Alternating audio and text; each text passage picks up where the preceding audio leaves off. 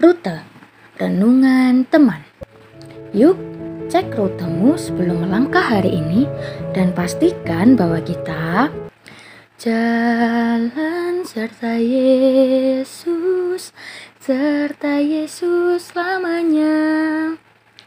Halo teman, yuk kita dengerin renungan hari ini, Selasa 11 Oktober 2022. Sebelum itu, mari kita satu di dalam doa. Tuhan Yesus, kami siap untuk mendengarkan firman-Mu.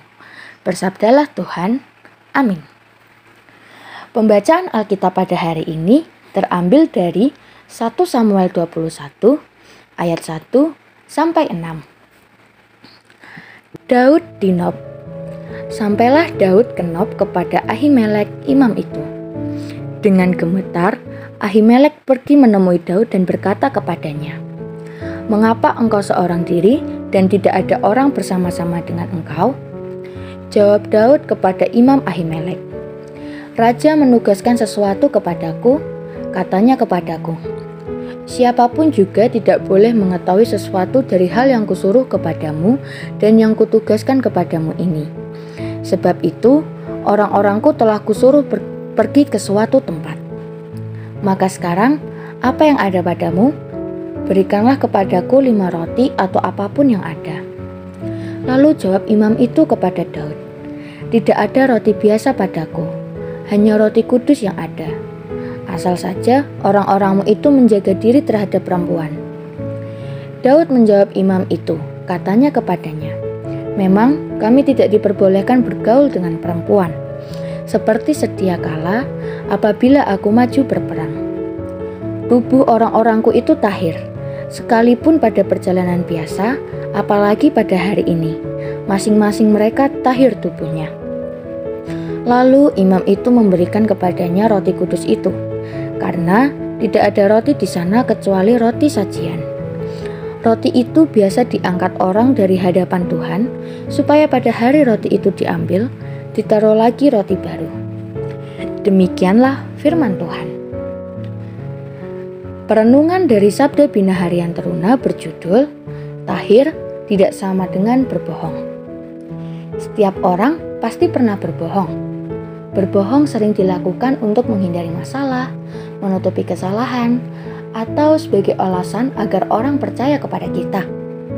Awalnya mungkin hanya ingin melakukannya sesekali, tetapi bisa saja menjadi kebiasaan yang terus-menerus dilakukan. Akibatnya, kita bisa kehilangan kepercayaan orang lain dan kehilangan nilai kejujuran. Lebih parah lagi, kita bisa dihukum karena berbohong. Berbohong adalah bagian dari sikap tercela. Hal ini berbanding terbalik dengan kata tahir yang terdapat dalam bacaan.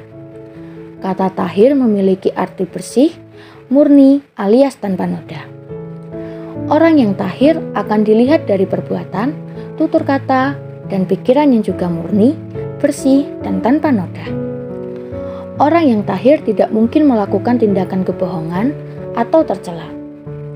Sobat teruna, inilah yang tidak dimiliki oleh Daud ketika dia berada di dalam pelarian. Daud dikejar-kejar oleh pasukan Raja Saul yang ingin membunuhnya. Dalam tekanan yang dia alami, Daud kehilangan akal sehat sehingga dia berbohong untuk menyelamatkan dirinya. Daud berbohong kepada Imam Ahimelek supaya dia bisa mendapatkan roti untuk dimakan.